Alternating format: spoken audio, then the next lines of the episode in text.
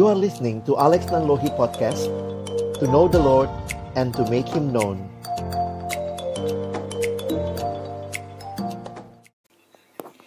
Bapa di dalam surga kami datang dalam ucapan syukur Berterima kasih kepadamu buat kesempatan kami beribadah bersama.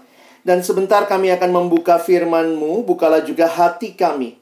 Jadikanlah hati kami seperti tanah yang baik Supaya ketika benih firman-Mu ditaburkan Boleh sungguh-sungguh berakar, bertumbuh Dan juga berbuah nyata di dalam kehidupan kami Berkati baik hambamu yang menyampaikan Dan setiap kami yang mendengar Tuhan tolonglah kami semua agar kami bukan hanya jadi pendengar-pendengar firman yang setia, tapi mampukan dengan kuasa dan pertolongan dari rohmu yang kudus, kami dimampukan menjadi pelaku-pelaku firman-Mu di dalam kehidupan kami. Bersabdalah ya Tuhan, kami sedia mendengarnya. Di dalam nama Tuhan Yesus Kristus, Sang Firman yang hidup. Kami menyerahkan pemberitaan firman-Mu. Amin. Shalom, selamat siang Bapak Ibu Saudara yang dikasihi dalam Tuhan Yesus Kristus.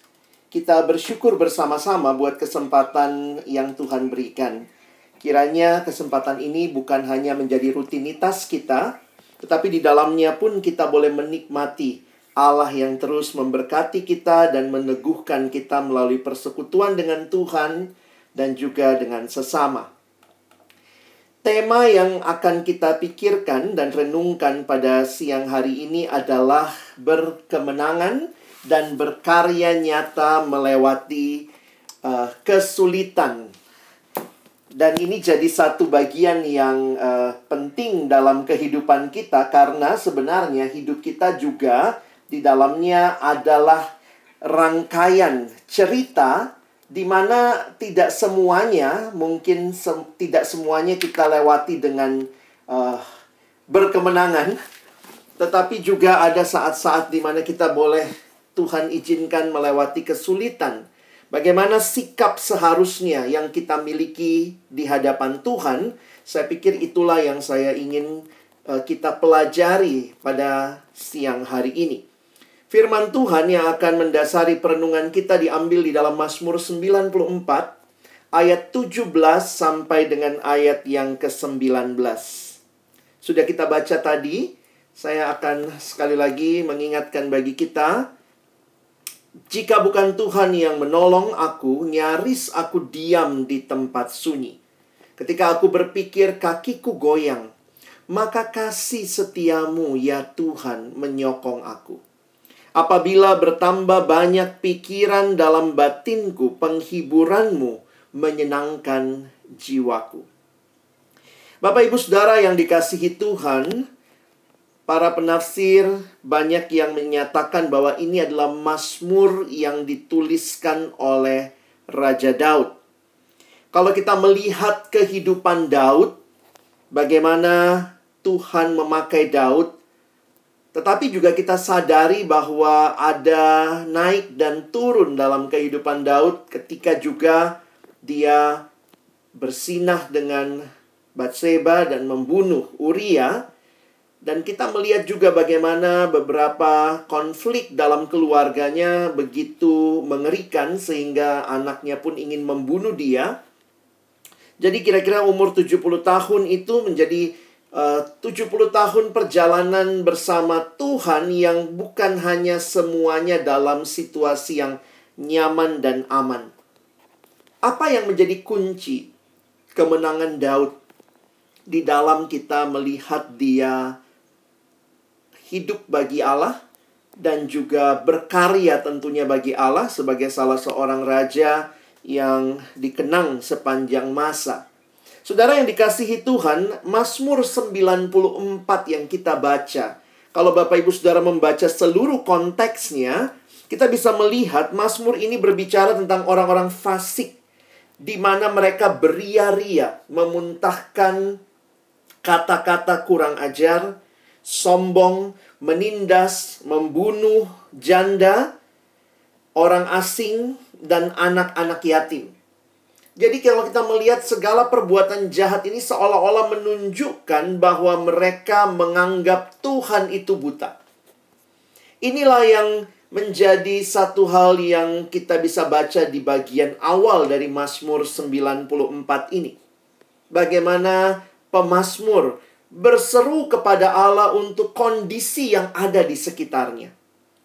Namun, kemahakuasaan Allah yang mengetahui semua rancangan manusia, semua rancangan kejahatan yang manusia lakukan, sebenarnya merupakan cerminan kesia-siaan belaka. Karena itulah ayat yang kita baca tadi mulai dari ayat 17, mari kita lihat beberapa hal yang pemazmur sampaikan. Pemazmur berkata, "Jika bukan Tuhan yang menolong aku, nyaris aku diam di tempat sunyi." Pemazmur mengalami sendiri bahwa Allah adalah pribadi yang siap menolongnya. Tentunya di dalam waktu Tuhan sendiri. Ayat yang ke-18. Ketika aku berpikir kakiku goyang, maka kasih setiamu ya Tuhan menyokong aku. Bahkan ketika pemazmur berpikir akan jatuh, kakinya goyang. Pengalaman akan kasih setia Tuhan pada masa yang lampau kalau bicara kasih setia, ini bicara tentang apa yang telah Tuhan nyatakan sampai perjalanan kehidupan pemazmur.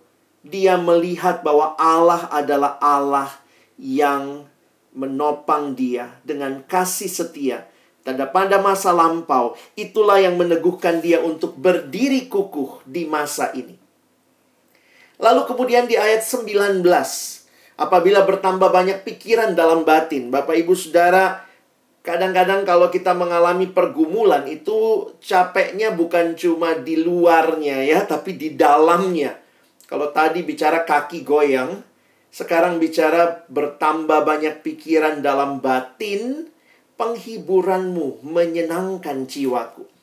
Juga pemazmur mengalami bahwa Allah adalah pribadi yang menenangkan dirinya di dalam kegelisahan. Saya tidak tahu bagaimana pengalaman Bapak Ibu Saudara sekalian di dalam melalui berbagai pergumulan kehidupan. Apakah kita mengalami seperti pemazmur?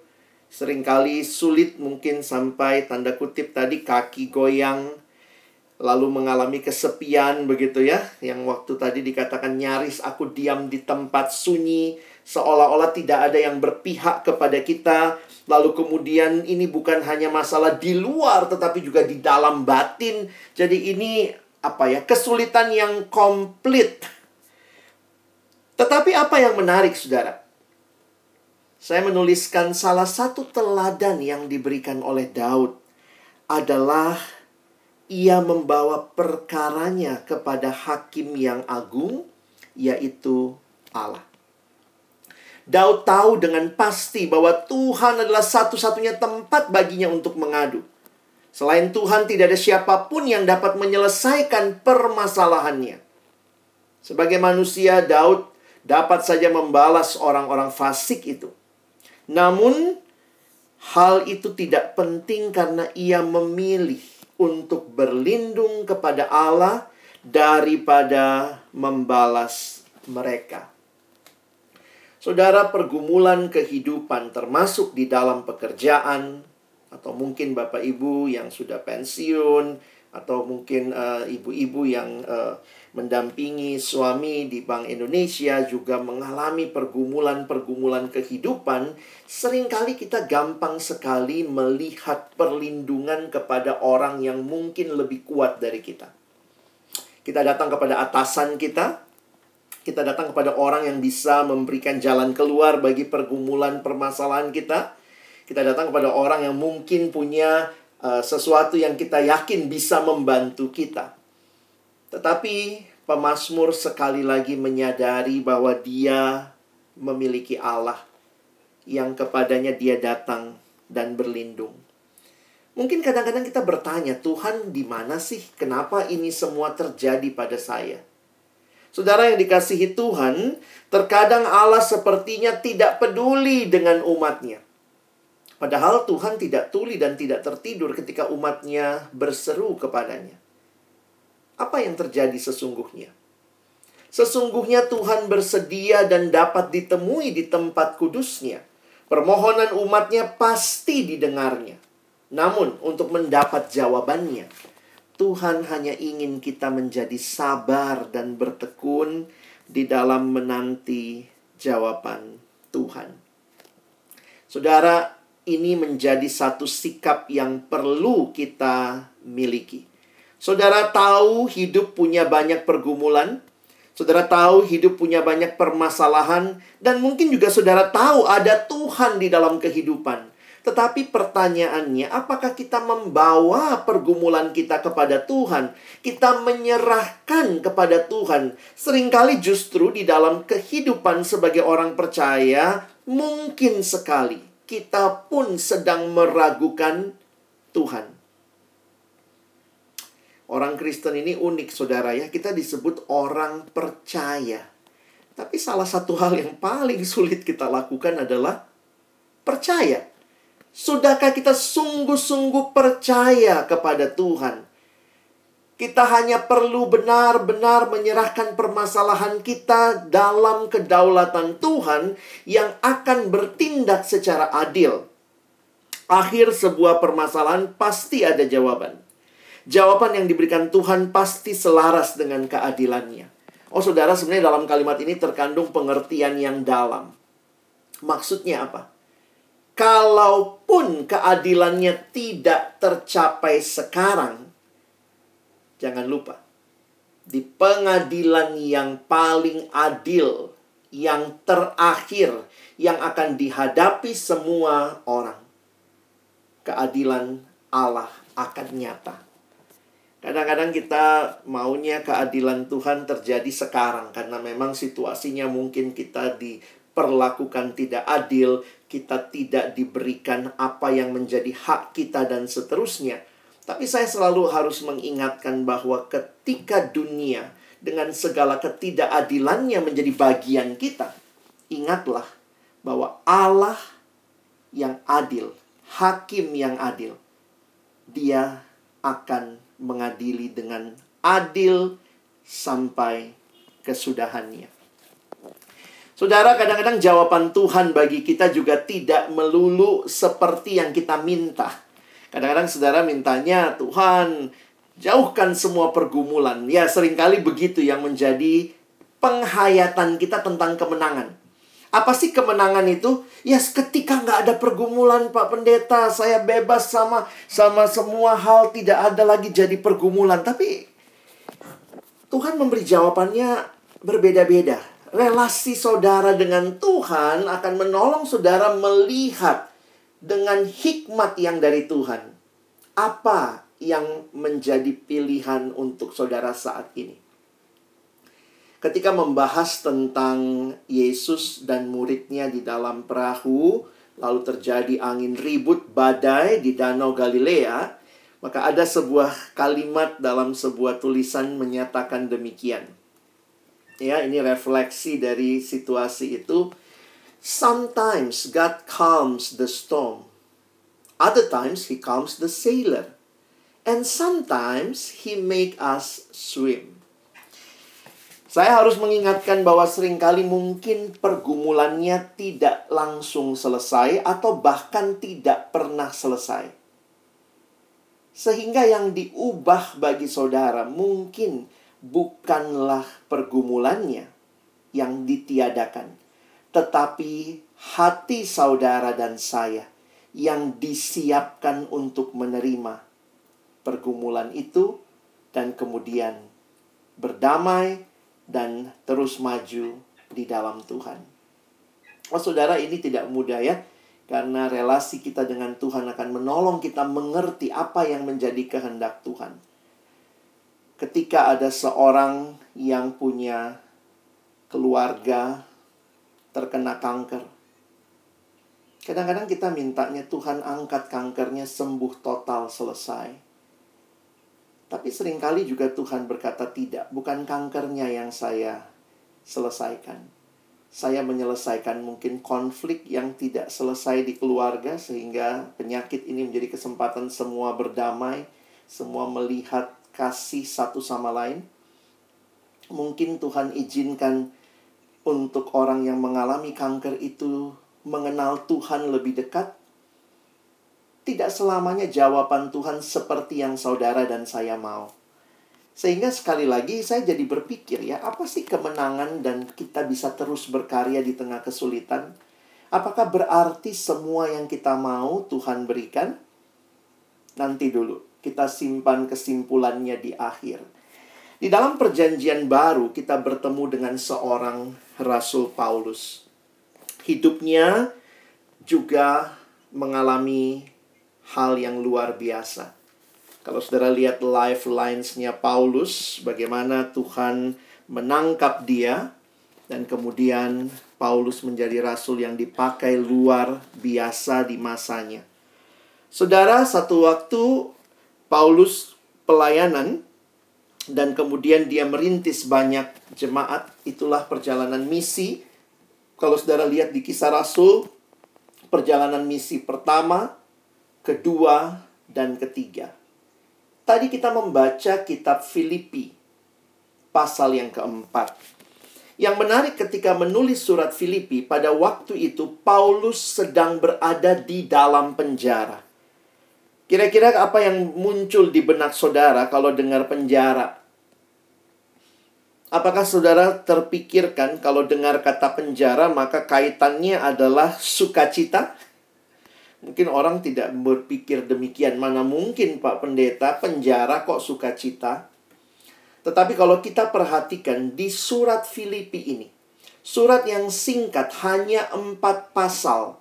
Tetapi ada kurang lebih 16 kali muncul istilah sukacita atau bersukacitalah. Dan lagi kita tahu bahwa surat ini dikirim dari dalam penjara bukan ketika Paulus sedang berada dalam situasi yang bebas. Dan di dalam surat inilah Paulus juga menyatakan apa yang sebenarnya menjadi pembaharuan kehidupan dan cara pandangnya terhadap hidup. Surat Filipi ini banyak dikutip ya. Paulus berkata, bagiku hidup adalah Kristus, mati adalah keuntungan. Kadang-kadang kita lupa, itu kalimat Paulus, bukan kalimat Pak Ahok ya. Pak Ahok yang kutip dari Paulus. Sehingga kalau saudara memperhatikan kenapa Paulus bisa sampai ke dalam perenungan yang begitu dalam bahkan di tempat yang begitu sulit. Saya menuliskan secara sederhana kegagalan utama Paulus adalah terlalu pede sebelumnya ya, pede dia, percaya diri. Tetapi ketika dia berjumpa dengan Kristus, perhatikan apa yang dia ceritakan tentang kehidupannya yang di dalam Kristus. Di dalam Filipi pasal 3 ayat 8 Paulus bahkan berkata malahan segala sesuatu kuanggap rugi karena pengenalan akan Kristus Yesus Tuhanku lebih mulia daripada semuanya. Oleh karena dialah aku telah melepaskan semuanya itu dan menganggapnya sampah supaya aku memperoleh Kristus. Apa yang membedakan? Tadinya begitu pede, Ternyata sikap anak Tuhan bukannya PD, saudara ya. Harusnya PT ya. Percaya Tuhan. Sehingga ketika Paulus mengalami pergumulan-pergumulan hidup, tetapi ada beberapa kesimpulan yang sangat sering orang kutip. Kadang-kadang orang kutip ayat ini ya. Filipi 4 ayat 13. Segala perkara dapat kutanggung di dalam dia yang memberi kekuatan kepadaku. Wah rasanya kita kalau baca ayat ini rasanya kita raksasa rohani saudara ya. Wah, Tuhanku hebat. Tapi saudara jangan lupa, ini Filipi 4 ayat 13. Saudara tahu ayat 12-nya apa? Kalau baca ayat harus lihat konteksnya ya. Lihat ayat 12-nya. Paulus berkata, "Aku tahu apa itu kekurangan dan aku tahu apa itu kelimpahan. Dalam segala hal dan dalam segala perkara tidak ada sesuatu yang merupakan rahasia bagiku. Baik dalam hal kenyang maupun dalam hal kelaparan, baik dalam hal kelimpahan maupun dalam hal kekurangan. Barulah ayat 13 Saudara ya. Wah, ini sungguh luar biasa. Sekali lagi, menghayati ada Allah di dalam hidup, percaya pada Allah bukan berarti semua masalah langsung selesai. Ayat yang tadi kita sudah baca juga, Filipi 4 ayat yang ke-19. Paulus berkata, Allahku akan memenuhi segala keperluanmu menurut kekayaan dan kemuliaannya dalam Kristus Yesus. Dia bisa menyatakan ayat ini dari pengalamannya bersama Tuhan, bukan pengalaman tidak pernah mengalami kesulitan. Tetapi pengalaman ketika ada kesulitan. Di sinilah Paulus semakin bersandar kepada Allah. Saudara yang dikasihi Tuhan, Allah tidak pernah berjanji hidup tanpa pergumulan dan tanpa kesulitan.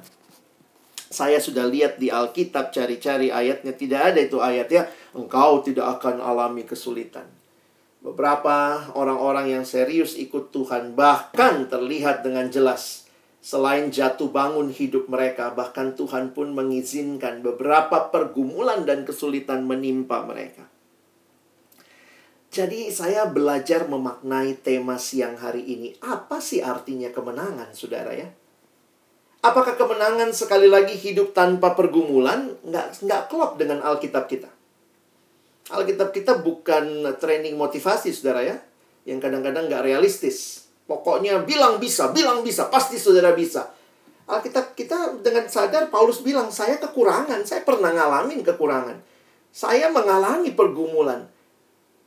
Tetapi ketika mengalami kesulitan, arahkan mata kita memandang Tuhan yang hidup dan Tuhan yang memimpin kita, karena itu janji Tuhan yang indah dalam pergumulan, bukannya tidak ada pergumulan, tetapi janjinya bahwa Dia berjalan bersama kita di dalam pergumulan hidup.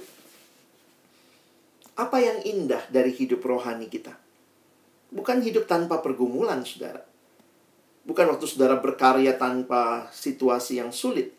Tetapi ketika saudara bisa melakukan itu semua bersama dengan Kristus. Life is a journey with Jesus. Itulah yang disaksikan Daud tadi. Itulah yang disaksikan Paulus.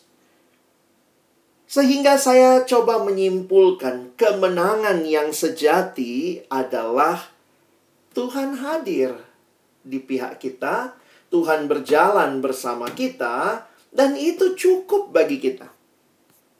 Pertanyaannya sebenarnya bukan Tuhan, apakah engkau menyertaiku? Tuhan pasti menyertai kita, itu janjinya bagi kita. Tuhan ada di pihak kita. Pertanyaannya, kita ada di pihak siapa? Which side are you on now? Saudara dan saya ada di pihak siapa? Strength comes when you know you are on the side of God. Saudara, kemenangan yang kita bicarakan siang hari ini bukanlah kemenangan hidup tanpa kesulitan, tetapi kemenangan karena ada Tuhan yang sedang berjalan bersama saudara dan saya melewati pergumulan hidup sehingga kita bisa terus berkarya bahkan di tengah situasi yang paling sulit sekalipun. Seorang hamba Tuhan Timothy Keller berkata, "Because of Jesus, there is always hope, even in the darkest moment of your life." Saudara, ingatlah selalu Tuhan hadir dan Dia menyertai kita. Saudara dan saya bisa terus berkarya, bukan karena hidup tanpa pergumulan tetapi karena di dalam pergumulan hidup, Allah setia dan menyertai kita. Saya tidak tahu apa yang jadi pergumulan Bapak Ibu Saudara. Seringkali di kantor juga ada pergumulan. Siapa tahu dapat atasan yang tidak melihat kita, tidak menghargai performance kita.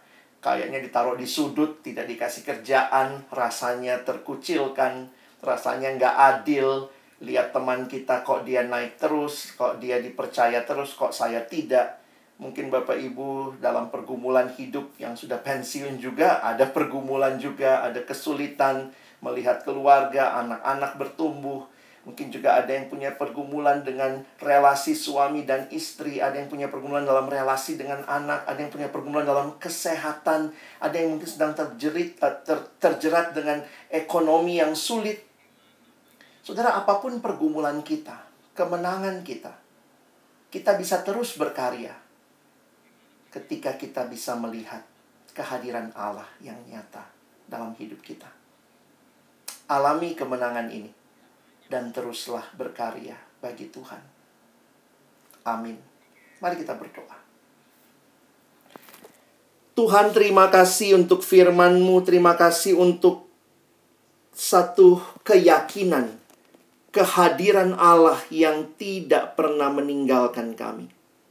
Bahkan di dalam perjanjian baru, di dalam karya putramu Tuhan kami Yesus Kristus, setiap kali Natal kami merayakan Immanuel, Allah menyertai kami, menyertai kita semua. Dan itulah yang membuat kami melihat hidup yang berkemenangan. Bahkan di saat yang paling sulit, kami bisa punya kemenangan karena ada Kristus yang kepadanya kami datang dan kami boleh bersandar, mengandalkan Dia sepenuhnya. Kami bukan berhenti berkarya, tetapi kami bisa terus berkarya, bahkan melakukan pekerjaan-pekerjaan besar bagi Allah, bagi bangsa, bagi banyak orang. Karena Tuhan hadir dan Tuhan memampukan kami. Terima kasih Tuhan. Tolong kami sekali lagi. Bukan cuma jadi pendengar-pendengar firman yang setia. Mampukan kami dengan kuasa rohmu yang kudus boleh jadi pelaku-pelaku firmanmu di dalam kehidupan kami. Kami bersyukur. Di dalam nama Tuhan Yesus kami sudah berdoa. Amin.